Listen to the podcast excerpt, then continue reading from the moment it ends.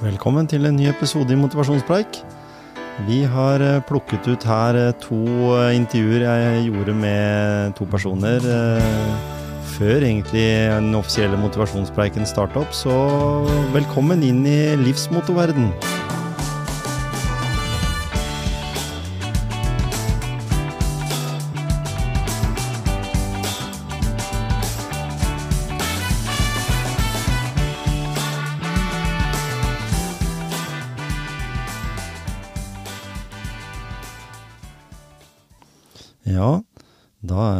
Tilbake. Det er liksom noe med dette å kunne bruke opptak som, som en har vært ute og sanka.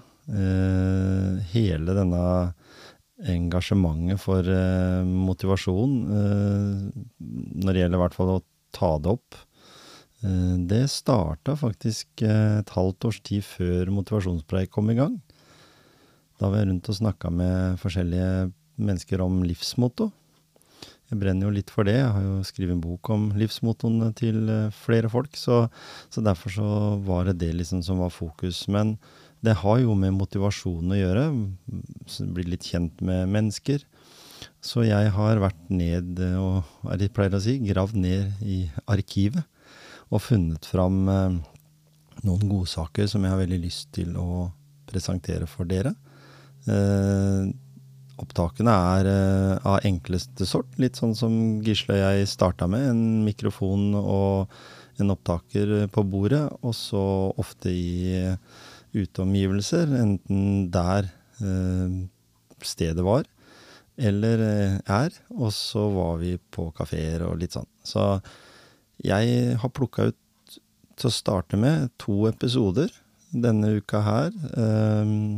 den ene er en episode med Sjur Ayer, som jeg eh, kjenner fra vi var eh, små gutter, hvis vi skal kalle det det, eh, på Frihetsbanen. Han var motstander, men vi var også et veldig godt sosialt team i disse, for vi møttes jo på alle konkurranser og reiste rundt og løpte stafetter og det som var. Og den praten jeg har hatt med han, med hans erfaring både fra da friidrett i ung alder og Forsvaret og litt forskjellig. I tillegg så dro jeg ganske tidlig opp uh, i dette Horg kulturhus, hvis dere har hørt om det. Helge Strand, som driver Norges minste kulturhus oppe i Lunde. En fantastisk hyggelig prat uh, der oppe. Eh, som også tar for seg liksom dette med hva som motiverer eh, en person til å drive Norges minste, eh, Norges minste kulturhus. Plass til 20 stykker, kanskje maks mellom 10 og 20. Med egen ølservering og egne rutiner rundt det. Så jeg håper at dere setter pris på den episoden. Så håper vi at ikke vi får sånne si avlysninger framover i forhold til sykdom og sånn. Selv om man ikke kan beregne det noe særlig, så, så er det i hvert fall sånn. Uh, jeg syns disse to episodene her, uh, starte med de, uh, gir et veldig godt bilde av hvordan de menneskene er, og hvordan de på en måte kan ja, komme med sitt, sitt livsmotto eller, eller sin motivasjon må jeg ønske velkommen her til Sjur Ayer. Du har eh, erfaring fra Forsvaret, men du har også erfaring fra å, å slå meg på stille lengde i Eidangerhallen. Ja, de var vel, eh, de var vel stort sett eh, Det var nesten ikke noen motstand der, var det det? Nei, jeg vet ikke. jo da, vi har vært konkurrenter. Det var en fin tid. Så, men det var, det var, ikke bare på stille lengde, vel. Jeg mener vi var uh, løp mot hverandre også, hvis ikke jeg husker helt feil. Det gjør jeg kanskje. Uh, ja da. Uh, stille lengde var vel bare egentlig sånn vinteraktivitet, var det ikke det? Sånn, litt sånn stille lengde og, og henge i ribbeveggen. Det var det vi gjorde. Men nei da, vi har vel løpt noe terrengløp i områdene her, og litt på friidrettsbanen òg. Så vi var jo liksom delt to leire. Jeg husker vi var Hercules-leiren, og så var uh, dere var vel Eidanger, men etter hvert Uredd? Vi eh, startet i Eidanger. Veldig fin, uh, veldig fin tid. Bra stort og godt miljø på, innenfor friidrett. Eh, vi hadde jo Det blei jo til at uh, Det blei etter hvert venner man også hadde. Man, altså de man eh, var sammen med der. Og, og så blei det jo til at eh, skolen eh, eller medelever på skolen også fanga interesse for at just der var det flere hyggelige mennesker som holdt på, da, for å bruke det, eller, eller gøyale mennesker. Så, så etter hvert så blei det at friheten uh, tok tak i de også. Og så fikk det, det ble litt sånn, litt sånn selvforsterkende hele, hele, det elementet der.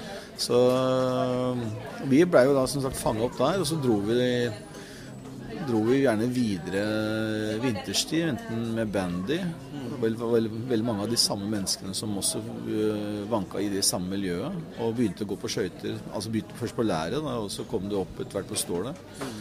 Og så holdt man på med bandy og samme langrenn osv. Så, videre. så det, hele Eidanger som sådan var et sånt anested for å utvikle en god et godt miljø. Et godt idrettslig miljø. Hvor det var lek og moro var på en måte tema. Men samtidig også alvoret stort nok til at du begynte etter hvert å, å trene mye og, og ville noe med det.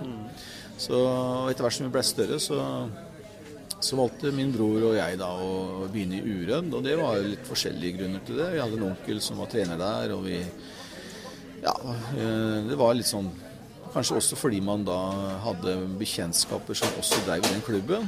Så etter hvert som, i hvert fall jeg, da, som ble relativt uh, habil hekkeløper for min klasse. Uh, vi hadde en veldig dyktig, det var en veldig dyktig trener i, i Urød, Terje Jacobsen. Så han fanga opp oss som hadde veldig interesse for uh, hekkeløping. Og det blei jo så bra som at jeg ble norgesmester da, i aldersbestemte klasser to ganger. Så det syns jeg Ja, det er lov å være litt stolt av.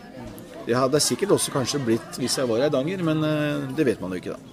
Nei, og så hadde vel eh, 67-årgangen som, som, du er, det var mange dyktige der i, i Ured også. De hadde også noen som hadde gjort det bra i kule og sånt noe, i hvert fall i, i den klassen. Så jeg husker jo godt at Ured var en toppklubb på nasjonalt nivå. Så var det stafetter rundt omkring i, i det ganske land. da, Bislett og og sånt, så det var, var mye, mye aktivitet. Men det jeg tenkte egentlig som, jeg fikk deg til å komme hit på Elvebredden i dag, det er jo dette her med livsmotto. Fordi vi snakka sammen for en to-tre år siden nå om det med, med, livsmotto. Du var jo ganske klar allerede også den gangen på at du hadde noe som på en måte var med i, i kofferten din når du eh, var ute i, i, verden. da.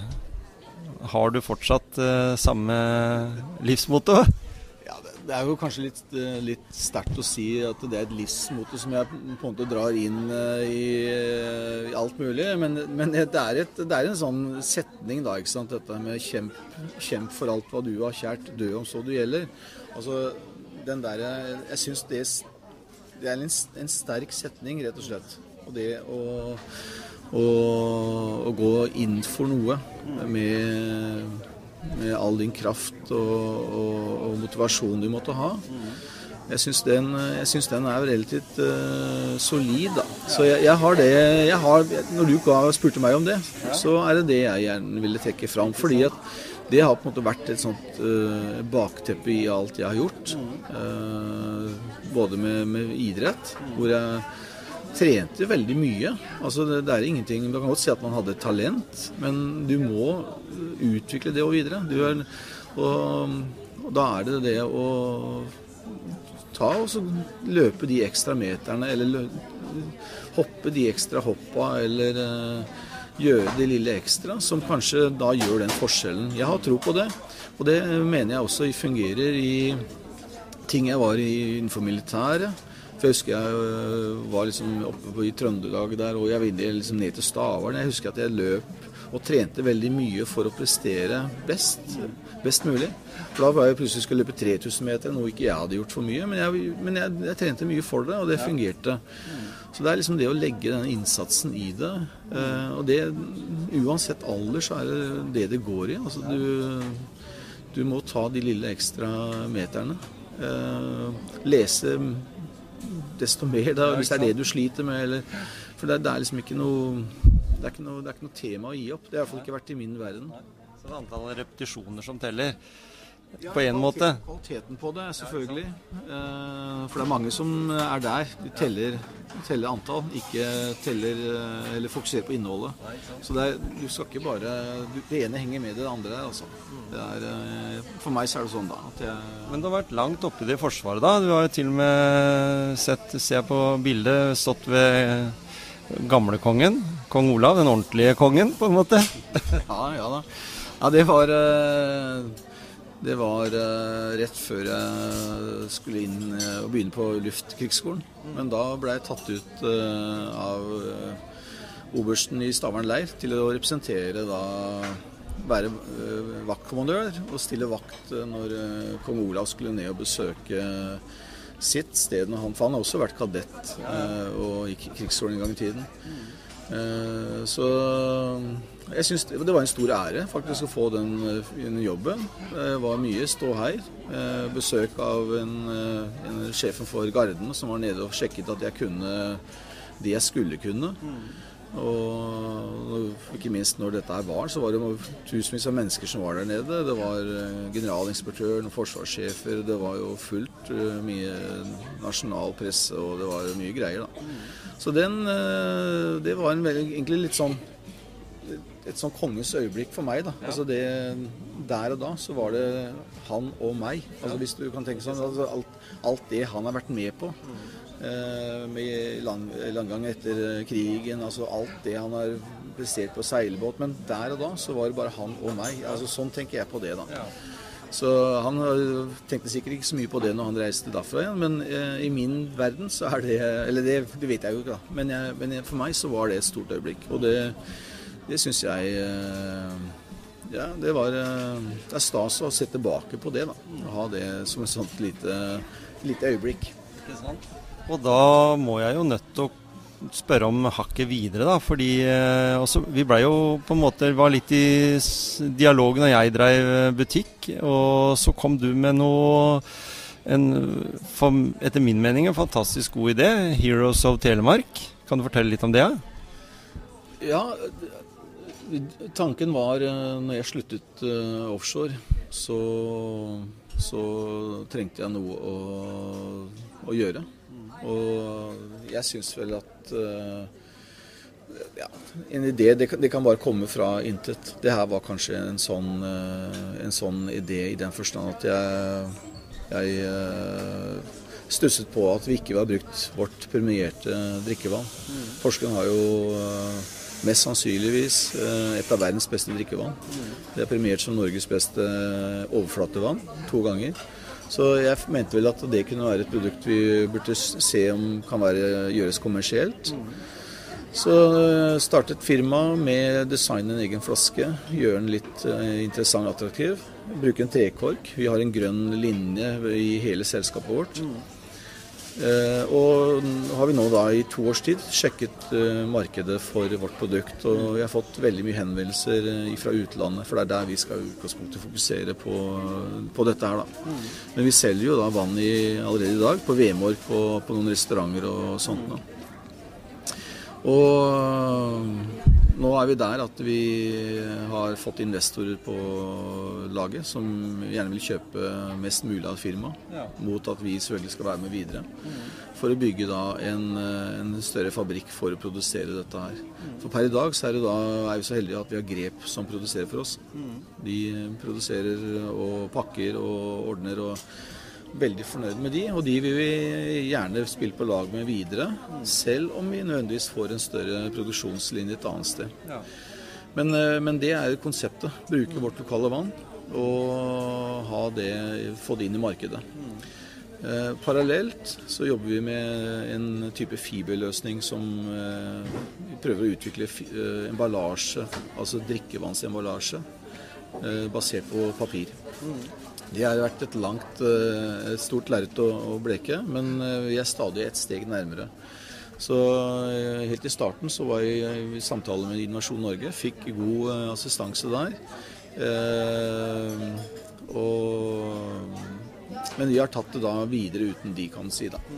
Så, men nå har det blitt et spennende produkt. Nå er det neste store nå, for drive litt reklame for det, det er jo vann med, still, altså med uten kullsyre. Men nå kommer vi med vann med kullsyre, og så kommer vi med en bag in box, en gallon, for det amerikanske markedet. som er designet for, spesielt for de amerikanske kjøleskap. Den er som du kan putte rett inn i kjøleskapet mellom hyllene med tappeventil og sånn. Så det er en 3,8 liter. da. Og den skal vi også ha i, i norske markeder, så Norgesgruppen uh, er veldig interessert i den.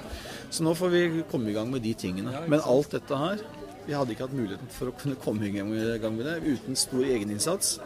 For det er det alltid det. Da er tilbake til dette her, altså kjempe for alt hva du har kjært. Og det er uh, det har vært mange ganger hvor man har eh, tenkt hvordan i all verden skal man få eh, økonomien til å gå rundt.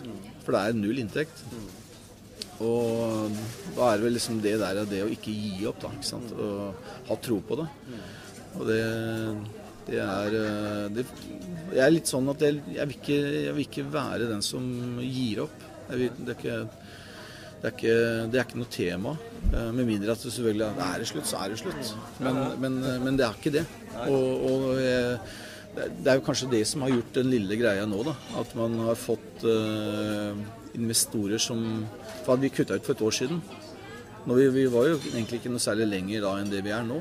Men hadde vi kutta ut da, så hadde vi heller ikke fått blitt eh, fanga opp av de investorene. Så det er liksom det å holde Gjøre de små, lille dytta hele litt bedre. Som eh, veldig ofte er faktisk su suksessfaktoren. Du vet ikke når du kommer, men veldig ofte så kommer det. Og litt sånn som vi snakka om tidligere her også, at eh, kanskje myndighetene burde vært litt eh, flinkere til å støtte opp under de gode prosjektene? Økonomisk spesielt? Jeg mener jo det. Eh, jeg tror på Hadde jeg fått lov til å være med og eh, lagt føring på det, så mener jeg at man burde ha eh, faktisk sagt de, de av dere som ønsker å starte for dere sjøl, så får dere automatisk tre års lønn. Altså, vi snakker ikke noe voldsomme betalinger, men du skal ha lønn, noe du skal kunne klare å leve av, i tre år. Og eh, da kan du bruke all din energi og, og, kreativitet til å fokusere på å utvikle produktet. Jeg er ganske sikker på at det hadde gjort at du hadde fått flere til å lyktes, enn at de i dag må fokusere på litt produktet men masse på hvordan du skal kunne klare å få økonomien til å gå, i hop. Så, eh, men klart, dette er ikke, eh, det skal ikke være noen hvilepute fordi at ja, nå skal, jeg, eh, nå skal jeg bare finne opp en idé og ligge i senga. Altså, Det er ikke der. Men jeg har tro på at de som virkelig har det genuine ønsket om å starte seg sjøl, jeg er helt sikker på at de ønsker faktisk det. Og da få den tryggheten i, med seg med økonomien gjør at eh, det er en billig investering for AS Norge. For uansett om du ikke har de pengene eller har jobben din, så må du gå på Nav likevel og søke enten om det er sosialstønad eller hva du vil. Men vi lager heller en pakke. Tre år får du det til. Og i tillegg, enda bedre, hadde du fått en ansatt til eh, å jobbe for deg i løpet av de tre årene. Så du skulle i tillegg fått en bonus. Det hadde gitt en mye mer drahjelp. Det var en sånn eh, siden vi har snakket om det. Jeg mener at det er en bedre løsning enn all verdens vekst i Grenland, som for så vidt gjør en god jobb. Og Innovasjon Norge, som også for så vidt gjør en god jobb. Men jeg er sikker på at eh, vi kunne gjøre mye enklere og mye, mer, mye bedre med sluttproduktet. Altså flere gründere som virker. Jeg er helt overbevist om det. Og der er det jo mange direktører også i de selskapene, så, som sikkert bruker litt penger. Og så har du jo litt med dette med Jeg også er enig med deg i det med å gi noen sånne økonomiske pakker som det, fordi det vil også øke, tror jeg, dugnadsinnsatsen i Norge. For de som har egentlig veldig lyst til å, å, brenne for en eller annen sak, de tenker at eh, ok, da kan jeg gjøre det fordi jeg får eh, betalt for, for et gitt beløp over en periode, da. Men jeg må jo også spørre, du er jo Porsgrunnskar og litt engasjert i du, er, er, du for deponi, eller? I Brevik? Nei. Nei? Ja, nei, ikke, ikke, i den forstand som det du nå refererer til. Absolutt ikke. Jeg ønsker ikke det. Jeg skrev riktignok en artikkel i avisa for eh, mange år siden. Ja til deponi. Men da tenkte jeg på datalagring. Jeg ville lagre etter og nuller i, i fjellanlegget. Eh, nå kan jeg være litt ærlig på det. Jeg syns det er flott at Google skal eh, kanskje etablere seg oppe i Skien, men det er jo total galskap, den energien som eh, de skal bruke til å kjøle ned den datamengden, og bare kaste det ut i, som spillvannet. For tanken min med deponi i gruvene var jo rett og slett å bruke de naturlige elementene, for det er kaldt der. Er. Og overskuddsvarmen, om det ble noen, så ville jeg kjørt den tilbake til boligene som var i nærheten, og gjøre den, slik at du solgte samme flere, samme energien flere ganger. Ja. Og jeg kan også være ærlig på det at jeg hadde en kjøp, eller en svær aktør inn i, og var villig til å leie 5000 meter eh, i gruvegangene. Jeg kan ikke gå ut med det nå, men de som var med på den prosessen, kjenner til det. Ja. Eh, Nå blei det aldri det, men jeg, jeg står fortsatt ved at det er en smartere løsning å ha det inn i gruvene i Brevik og enn å ha det der oppe. Og så er det sikkert infrastruktur og løsninger der, men datasystemene framover, maskinene, blir større, kraftigere, men de blir mindre i fysisk størrelse. Og du trenger ikke å bruke så mye Men det er spesielt energibruken som jeg var opptatt av der. Eh, Og ikke minst at sikkerheten. En, eh, siden jeg er forsvarsmann, da, så vet jeg hvor lite som skal til for å få en slå ut eh, elektriske kretser. Og eh, selv om datasystemer i dag har backuper overalt, så er det alltid greit å kunne tenke sikkerhet eh, som et fjellanlegg egentlig gir. Så jeg eh, Men for all del, det er, det, er, det er mange smarte og gode løsninger vi har her i Grenland, og jeg heier på alt det som dukker opp. Men, men deponi, som du nå tenker på, med å lagre avfall, nei, det, det er helt fullstendig misvisende. For det er ikke avfall. Det er i, prinsippet en ressurs. Og hvis ikke vi klarer å fange opp det produktet til å gjøre bruk av det. Altså F.eks. sånn som flyvaske. Det er jo for veldig mange et avfall. Men det bruker vi jo i Nordstrand i dag. Når jeg jobbet for Baker Hughes, så hadde vi, blanda vi flyvaske inn i, sementen for å gjøre sementen mest mulig tett. Altså det skulle hindre gassmigrasjon. Så det, det er bare snakk om å ut, utvikle eh, produktet til å kunne brukes til noe nytt. Og da syns jeg vi skal heller fokusere på det. For det skal i prinsippet Det er egentlig ikke en avfall, som sagt. Det er en ressurs. Og jeg, jeg setter krav, i hvert fall. Ja, men dere, ok, dere produserer i dag. Jeg ser dere har såkalt avfall. Men vær litt smarte finn noen løsninger, da. Gjør det. Altså, Kronos Titan har svovelsyre. De sier jo det at den kan ikke brukes fordi den er eh, såkalt for markedet urein. Ja, men Da er det kanskje dere som må gjøre noe smart med den. Og utvikle det som gjør at den blir mer, litt mer interessant for markedet. Så at det ikke blir et avfall. For det, det å presse på et sånt element i en lokalbefolkning er i hvert fall ikke løsningen. Det skal vi respektere. Det er folk som bor her, det er folk som har satsa livet sitt på å ha oppvekst her. Og, og sitte da med, med en, en følelse av at noe er utrygt. For det er det de gjør. Det syns jeg ikke er realt. Og det, ikke, og der kan jeg være ærlig. Jeg syns vel at det tok vel lang tid før telemarksbenken eh, samla seg og mente noe om det. Det var veldig mange politikere som burde nødvendigvis ha løfta røsten tidligere. Men, eh, men nå er vi der vi er. Og jeg, vi er. Men det virker jo fortsatt ikke som vi er helt kommet i mål. det er det. Og det, virker, og det er jo det som er frykten hos folk. Det er at vi skal boble ut kjemikalier ut i grunnvannet. Det er Ja. det som folk tenker Ja. på sånn i utgangspunktet. Så Nå er jo og klart, og det, er, det er mange som mener jo da at det er trykk utenfra pga. vannets øh, væskesøyle osv. som vil trenge inn. Men klart, på et eller annet, et eller annet tids- tidspunkt så er det, kan det være ting som kan boble ut. Og det, det mener jeg at den, det er ikke noe vi, bør ikke ta den ballen. Vi bare lar det ligge. Ja. Sette heller krav til å bruke dette her som et, øh, et nytt produkt som du kan dytte inn i noe annet. Ja, det er det. Ja. Og så er du jo litt kunstinteressert. Ja. Ja, det, det har vært en sånn greie fra den tiden jeg var kadett. Eh, en medkadett der. Han var, hadde foreldre som drev et, eh, et sånt eh, ja, utsalg eller eh, galleri da, i Oslo. Så eh, tilfeldigvis hadde han mye kunst på veggen. Så jeg, prata, en del med han, og så endte det med at jeg kjøpte noen bilder av han. Og et Nerdrum-bilde og et Weidmann-bilde, altså litografier. da. Ja. Det var starten på det. Etter det så har jeg faktisk vært veldig Syns det er spennende det å dyrke kunsten som et, eh, et element i å bidra din, til din eh, hverdag. Altså Et sånt interessant betraktning. En lege da, han kan gjerne gi deg en medisin for å lindre din eh, akutte lidelse. lidelse. Men kunst kan ofte være et element som kan bidra til å lindre de lange problemene.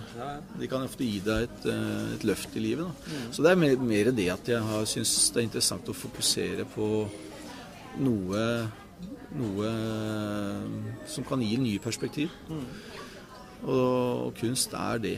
Og det gjør også kanskje det der mentale med å stoppe litt mer opp og være litt mer nysgjerrig på, på ting i livet. Ikke at du bare raser igjennom. Fordi du må bruke litt tid på det. Jeg hørte en eh, her tidligere på Gunnar Danbolt og Nina Skurtveit som hadde Kunstreisen på P2. og De kunne ofte bare reise eller Han anbefalte ofte når du gikk på et museum, ikke ta, ikke ta for deg hele museet, men ta for deg bare noen enkelte objekter. Ja. For heller å fokusere på det og dra ut mest mulig av det. Og det er egentlig noe jeg synes, For meg så har det egentlig vært litt, eh, litt eh, riktig. Ja. Så og det er, Og kanskje også da de gode ideene kommer opp. Eh, rett og slett. Ja. For du får tid til å tenke tanken ut. Du får kanskje tid til å også fange nye, nye Bruke mer av sansene dine. At du får tid til både å lytte og, og lukte og gi mer enn et totalt bilde av det. Kunsten gjør jo nødvendigvis ikke akkurat det, men kunsten får deg til å stoppe opp som sagt, og gjør at du åpner, åpner for litt mer av sansene. Ja. Det er for meg, da. ja? Ja, den visuelle og, og i det hele tatt den uh, opplevelsen rundt det å, å, å se på et uh, bilde, ja. Uh, men da hører du kanskje litt på musikk òg. Jeg liker å avslutte med et spørsmål, ja, om du har en favorittlåt eller en artist som skal få lov å avslutte dette intervjuet. Ja, det, da, da blir det veldig, da blir det veldig sært akkurat nå. Jeg hører på veldig mye.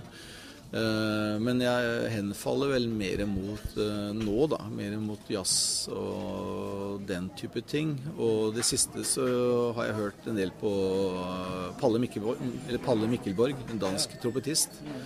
De fleste vil sikkert lure på i all verden. Men jo, Palle Mikkelborg og en låt som heter 'Kaprikorn' er en sånn litt sånn svevende eh, Ja, du, du får nesten høre på det sjøl. Ja, ja. Det er litt sånn som den uh, kunstner-Sjur er, da? Litt sånn svevende, eller? Ja, ja, altså Ja, det jeg, det må gi dette er nesten sånn psykedelisk, eh, men, men det er faktisk noe i det der eh, Det, er nesten litt sånn mytiske i den, i den musikken der.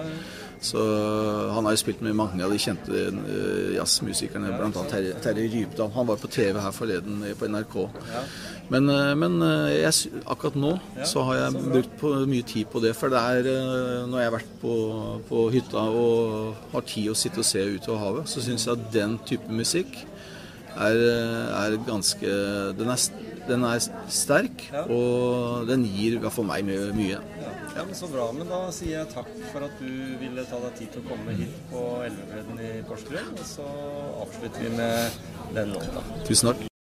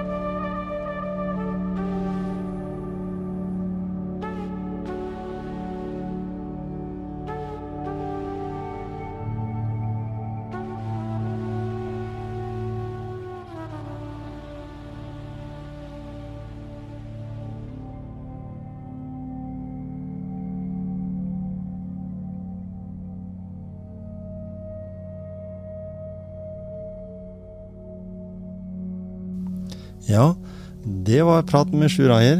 Eh, interessant eh, å høre hans eh, fokus, da, eh, og hans eh, motto. Eh, og i det hele tatt hans motivasjon. nå kommer en episode der jeg har snakket med Helge Strand, som jeg nevnte. Han driver Norges minste kulturhus. Og jeg skal ikke utfylle noe mer. Jeg får heller ta en liten oppsummering på slutten, men jeg syns det var et veldig interessant møte jeg hadde med Helge den gangen. Og han har jo fortsatt vært eh, toppmotivert til å fortsatt ha kulturhus i drift, og i tillegg eh, vel gitt ut noe plate av artister som har vært der. Så han har liksom gått all in for det, og det står det definitivt eh, stor respekt av. Så her har du en prat med Helge. I dag har jeg tatt turen opp til Helge Strand, som kanskje har Norges minste kulturhus. Er det det? Jeg har ikke funnet noen som er mindre, i hvert fall. Nei, ikke sant? Og det er i Lunde. Og da sier jeg Telemark, eh, og egentlig hjertet av Telemark. Og jeg syns jo Telemark Vi må holde på det. det er ikke, jeg er ikke kommet til Vestfold og Telemark nå. Det står eh, Telemark på Ja, ikke sant? Det er Telemark. Eh, og Lunde er jo en skikkelig kanalkommune, så du kan jo komme hit både med tog og med bil og langs vannet. Eller på vannet. Det er faktisk det eneste stedet i Europa, tror jeg, at uh, vei og jernbane og båtkanal krysser hverandre. Ja, ikke sant? Ja. Det er jo helt genialt. Og det er kortere vei herfra til Oslo enn det er fra Skien til Oslo, der som jeg kom fra. Så ja. mer eller mindre, i hvert fall. Så ja, det er to timer med tog. Ja, og det er det vi har vel i Skien nå. Eh, hvis det går tog der, da. Ja, det var det. Eh, og som jeg nevnte i stad, Norges kanskje minste kulturhus. Eh, kan du ikke fortelle litt, Helge, om sånn kort om Horg kulturhuset? Jo, gjerne det. Det begynte jo egentlig med at jeg skulle innrede uteskuret i hagen til å bruke med familien. Så begynte jeg å bygge, og så så jeg etter hvert at eh, det så ut som en eh, scene. Mm. Og så måtte jeg finne et navn, og jeg er litt glad i gamle ting og norrøn historie. Og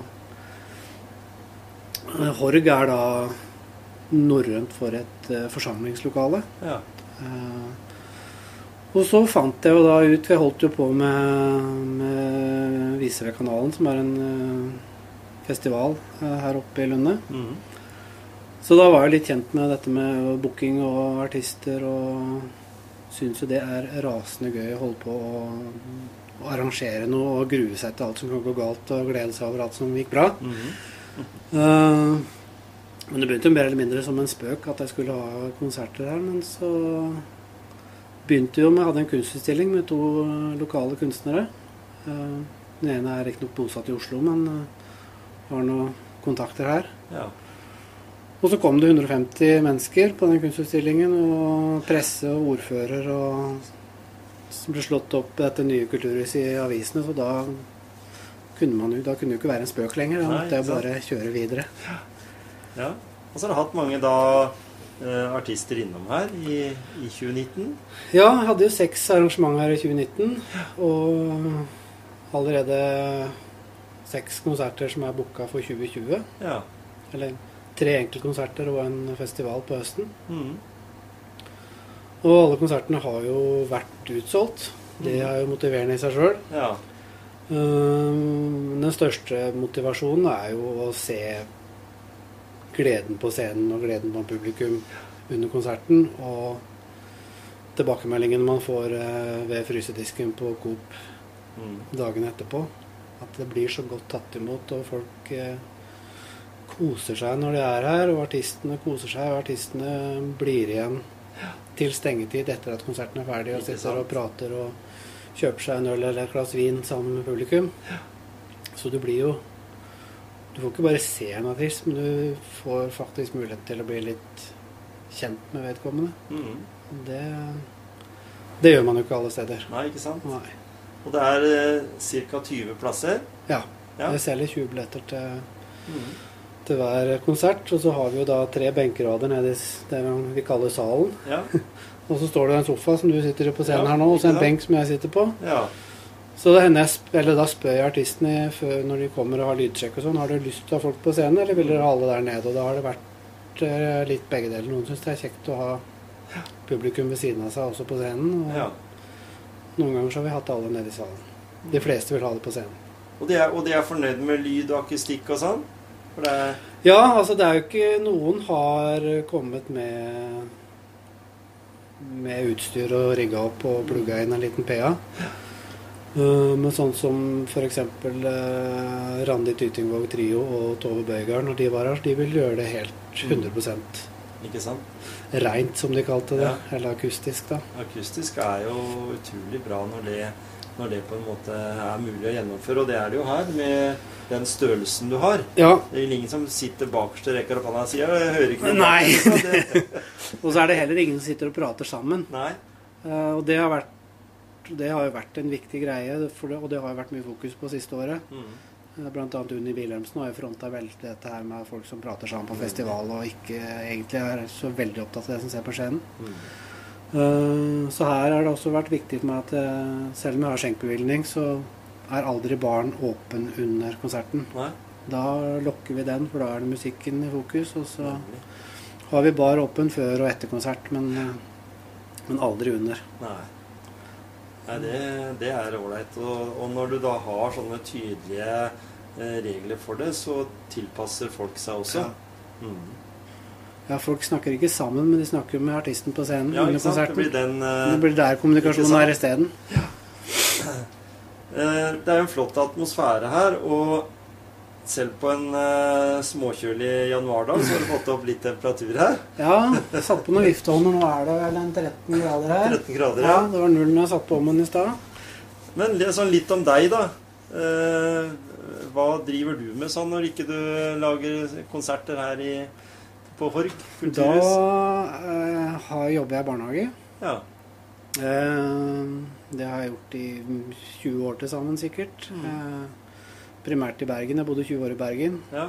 Eh, fikk barn der. Flytta til Ålesund og bodde der i fem år. Og flytta hit for tre og et halvt år siden. Eh, så jobbet jeg på noe med statlig mottak. Mm. som ble tømt nå til nyttår. Så da ble alle vi ansatte omplassert. Så da jobber jeg i barnehage. Jeg er utdannet førskolelærer. Ja, ja. Eller barnehagelærer, som det heter nå. ja, ikke sant?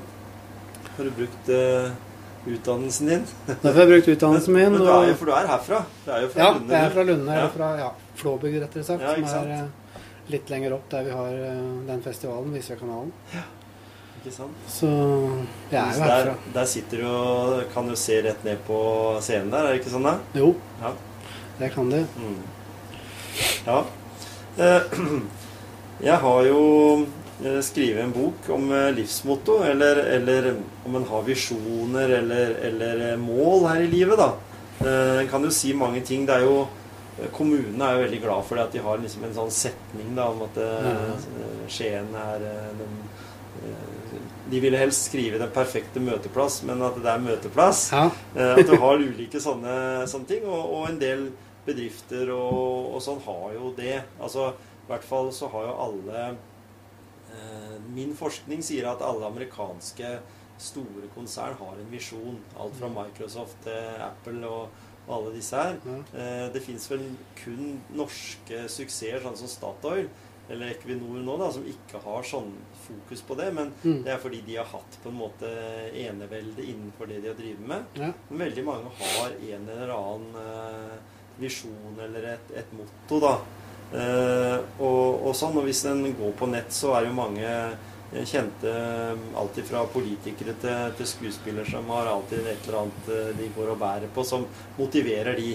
Så det er derfor også jeg tenkte at jeg ville høre med deg. da, Hva er det som motiverer deg? liksom? Har du et livsmotto som, som du går og bærer på, enten du er på jobb i barnehagen eller du rigger til en konsert uh, her på Kulturhuset? Eh, jeg vet ikke om jeg har eh, Kanskje jeg kom på det i løpet av at vi snakker sammen, men eh, at jeg har sagt til ordføreren nå at jeg har et For vi har jo en slogan for kommunen som er 'Kanalkommunen mm. Nome'. Ja. Og jeg syns jo det er litt passivt, for den kanalen den ligger jo bare der. ja. Den gjør jo, vi trenger jo ikke gjøre noen ting for å opprettholde den. Nei. Så jeg har jo et mål om at de skiltene til eh, Nome kommune en gang skal det stå 'Kultur- og kanalkommunen Nome'. Mm. Fordi nå driver jeg her, men det er flere andre små aktører i bygda som, eh, som holder på med det samme. Med stor suksess. Ja. Så det er veldig mye kultur og veldig mye frivillighet mm. i, i Lunde mm. og i Ulfoss. Mhm. Eh, Så den frivilligheten er jo gull verdt. Ja. Eh, Så var det en kompis som var litt eh, kritisk når jeg skulle Når jeg begynte med dette her og skulle booke første artisten. Ja, men sa han, du kan jo ikke kan jo ikke lage kulturhus. Hvordan skal du gjøre det? Og hvordan skal du få skjenkebevilgning? Og hvordan skal du få kontakt med artister? Og så svarte han at ja, det er jo bare å gjøre det. Mm. Så det siterer han meg på ganske ofte. At Ja. det, Og det var jo bare å gjøre det. ja. Ja, Så kom det jo folk. Og det er det man er avhengig av. Mhm. Eh, Det hjelper ikke hvor bra du gjør det hvis ikke folk støtter opp. Nei, ikke sant? Det er jo prisgitt alle de 20 som kjøper billett hver gang. Ja. Skal det bli noe av. Så det er jo på en måte et felles prosjekt for hele bygda da, å Ja, ikke sant? opp. Ja. Det er det som er. Og, så, og da har du sånne mottoer sånn som at eh, alt går. Det er mange som har det Ja. som i seg, at alt går. Og det er noen som har Jeg, jeg har jo sjøl liksom at uh, ingenting er umulig. Ja. Det umulige tar bare litt lengre tid. Ja. Det er sånne, sånne Og noen av de kan jo være litt sånn klisjébasert, men, men jeg er jo vel så opptatt av at den handlingen en gjør Ja. Det er jo det du også nevner litt her, at det, at det er ulike handlinger en gjør. Altså skaper et kulturhus som kanskje mange bare rister på huet og sier at det vil jo ikke gå. Syns du ikke det er pinlig, liksom, å bare invitere en, noen artister til, eh, til 20 sitteplasser? Men, men jeg ser jo litt i den presentasjonen, eller den måten du formidler deg til artistene på, mm. som gjør at det, det er en unik opplevelse også for de. For de er jo egentlig Sånn som i hvert fall den kontakten jeg har hatt med artister og, og kjendiser og andre som holder ulike foredrag og sånn, de er jo egentlig opptatt av litt av den atmosfæren Mm. og det som er litt annerledes. De er drittlei sånne store, sterile forsamlingslokaler Ja. med, med masse rigg. Selv om de gjør penger på det, så, så gjør de liksom eh, La oss kalle li, livspengene. Det gjør de på sånne andre mindre arenaer. Ja. Sånn som ikke Fordi, fordi det, er, det er ting som på en måte betyr noe, som de husker, da. Ja, de får jo en opplevelse, de òg, ikke, Ja, sant? ikke sant? Og, det, Det det det og de jeg har jo den boka der som de skriver en eh, har en sånn liten minnebok, hyttebok, som Ja. både gjester og artister skriver i etter konserten. Og både i den boka og i mailer og korrespondanse etterpå, så vil jo artistene vil jo tilbake. Ja. Og så er jo eh, artistmiljøet i Norge er ikke veldig stort. Uh, så plutselig så får vi høre at, jeg, at uh, Tove Bøger har sittet på kafé i Stavanger og hørt om Horg Kulturhus fra Jeg husker ikke hvem hun har snakka med engang, men ja, så kjenner hun Caroline Bonnet, som har vært her tidligere, og de har snakka sammen i Oslo, og der hadde det vært snakk om Så det er jo så lite miljø, og da er det jo selvfølgelig ikke at der må du dra, for der kan du tjene mye penger. Mm. Men da er jo det de snakker om, er jo den opplevelsen de har hatt når de var her. Mm. Eh, både fra scene og publikum. De som har vært her som publikum, forteller jo også om sin opplevelse videre til andre. Mm. Så det er jo opplevelser eh, og så bruker man sosiale medier også. Ja. At en bruker den eh, markedsføringsplattformen som har råd til å bruke, da, for at ikke en skal bruke opp alle ja. pengene på, på ting. Det går, og, det går, mange timer på, på, Facebook og Instagram, ja. Og som du sa også, det der med at du jobber litt med samarbeid eh, med andre større scener også, for ja. å på en måte ha dette her som en sånn bonus. Mm. kan vi kanskje si det sånn? Ja, det Dette kan bli, virke som en bonus for noen artister, da. Ja, mm. ja det blir opplevelsesbonusen. Det blir ikke det blir ikke julebonusen. Nei. Nei. Men så har jeg også oppdaga det at For det er jo øh, veldig mange artister som kanskje ikke har kommet så langt opp på karrierestigen sin, som finner ut at vi må jo ha en manager og et bookingbyrå bak oss. Mm. Mm. Uh, og der har jeg oppdaga flere artister som jeg ønska i den kategorien som jeg syns er bra, og som jeg er sikker på ville passe godt her. Ja.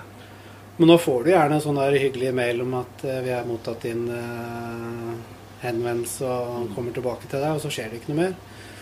Men de artistene som Flere av de som kanskje har kommet litt lenger opp erfaringsmessig og er garva på det å være artister og mm. Gjør bookinga sjøl, så er det mye lettere å få i land en avtale. Ja. For de kommer jo hit for å spille her fordi de har lyst til å spille her. Mm. En bookingagent er jo ikke så opptatt av det, for han skal jo ikke hit allikevel. Nei Og det har det økonomiske. Du kan kanskje eh, velge litt mer på øverste hylle av hvor du vil jobbe, da, ja. eh, når du styrer sjøl, enn eh, hvis du bare må ta imot. Ja. Kan, og i stedet for at du skal finansiere en annen organisasjon i tillegg, så kan du på en måte beholde de pengene og ha de som en sånn Eh, bonus da, ja. oppi den, er, som julebonus. Ja. Istedenfor å betale den til en, eh, en, eh, en manager da, som, som Jeg ser vel inntrykk av det at mitt forhold til som manager, det er jo ofte at de eh, Det er som de ser ikke viktigheten i eh, mm. det ulike arrangementet. da.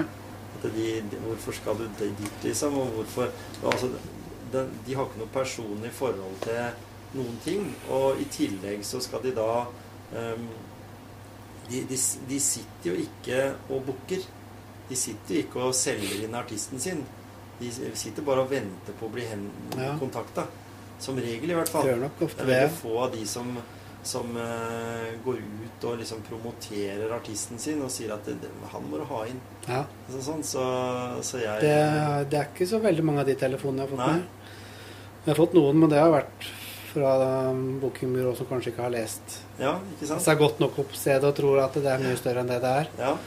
Uh, samtidig så jeg skjønner jo artisten òg, at de eh, vil uh, konsentrere det om det kunstneriske og musikken sin og ha andre folk til å ta seg av den kjedejobben som det kanskje er å ringe rundt til forskjellige kulturhus og forskjellige scener. Mm. Så jeg, skjønner jo at det at det er fristende, og at det sikkert kan være lurt for mange òg, men ikke for alle, tror jeg. Nei. Nei, det har litt med størrelsen når du får den første telefonen fra utlandet. Jeg tror kanskje ja. Da bikker det på da, da trenger over. du nok noen som har gjort det før. Ikke sant? Ja. Så, så det, det, ligger litt der. Ja. Men på de norske Vi snakka jo litt om det i stad. På de norske scenene, de store scenene, så er det liksom eh, bare noen, en håndfull artister som, som egentlig trekker, trekker, publikum, da. Ja. Se bare sånn som eh, Jeg kan ta et eksempel på da Udi Wilhelmsen og han, eh, han Åh, nå står det helt stille. Eh, ja, i hvert fall fra hver gang vi møtes, så, ja. så var, reiste de på en konsert. Men jeg, jeg, husker ikke hva han heter. Han, eh, Henning Kvitnes. Kvitnes, ja. De gjorde det sammen, stemmer det. De gjorde det sammen. Fylte Elvespeilet to ganger eller noe sånt. Ja. Eh, og så kommer eh, Unni Wilhelmsen aleine, da, eh, noen måneder etterpå. Og, og må ha, bare ha de få igjen. Ja. På grunn av det at du, du veksler liksom mellom, mellom det å være en attraktiv greie. Hun er jo fantastisk flink og er utrolig Ja, hun er helt scenen. fantastisk. Det er den beste jeg er på konsert med, Ja. det er hun. Og jeg har vært på Bydelshuset på Gråtamoen med, med og, Nei, ikke Gråtamoen, på Li. Ja. Og, og hørt på. Og jeg har vært i foajeen på Ibsenhuset og sånn. Og hun har en skikkelig ålreit humor. Og Ja.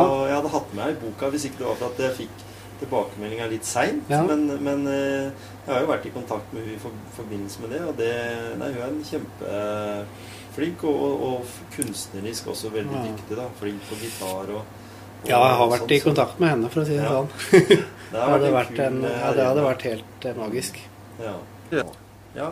Eh, avslutningsvis, jeg syns jo det var kjempegøy å komme hit.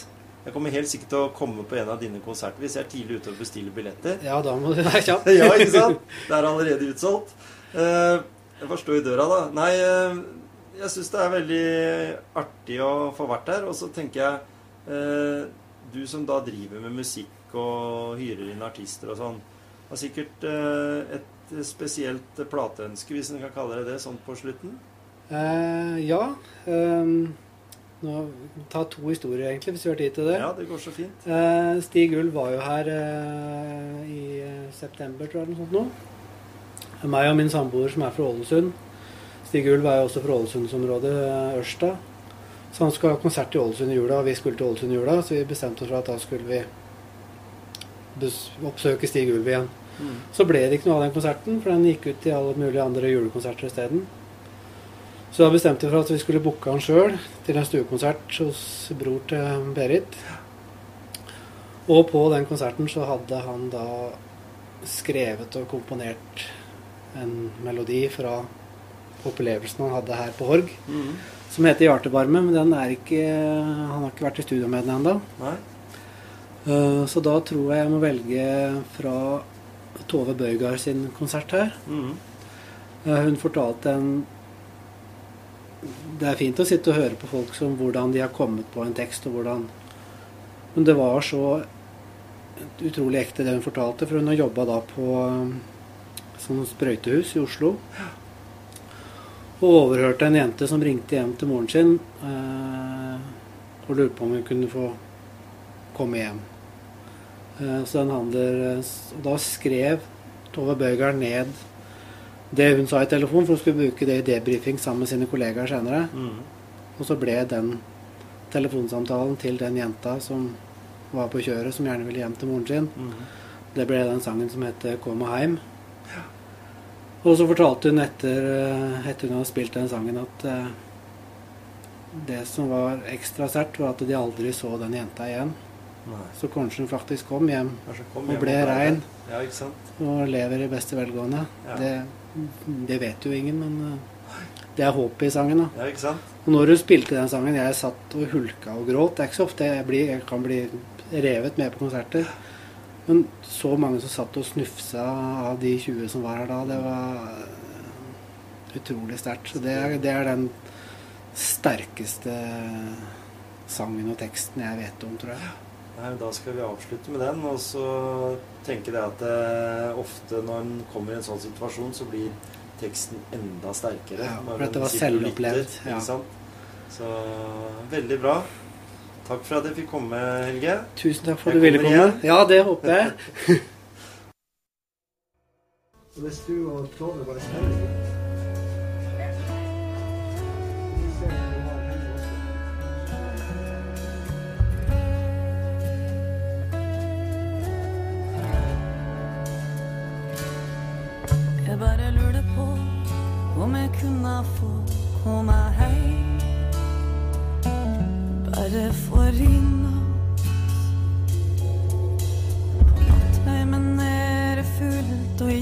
kjelleren på stasjon er det kaldt og rått. Jeg bare lurer, mor, for det er enda ikke for seint. Og nå i kveld nesten regn.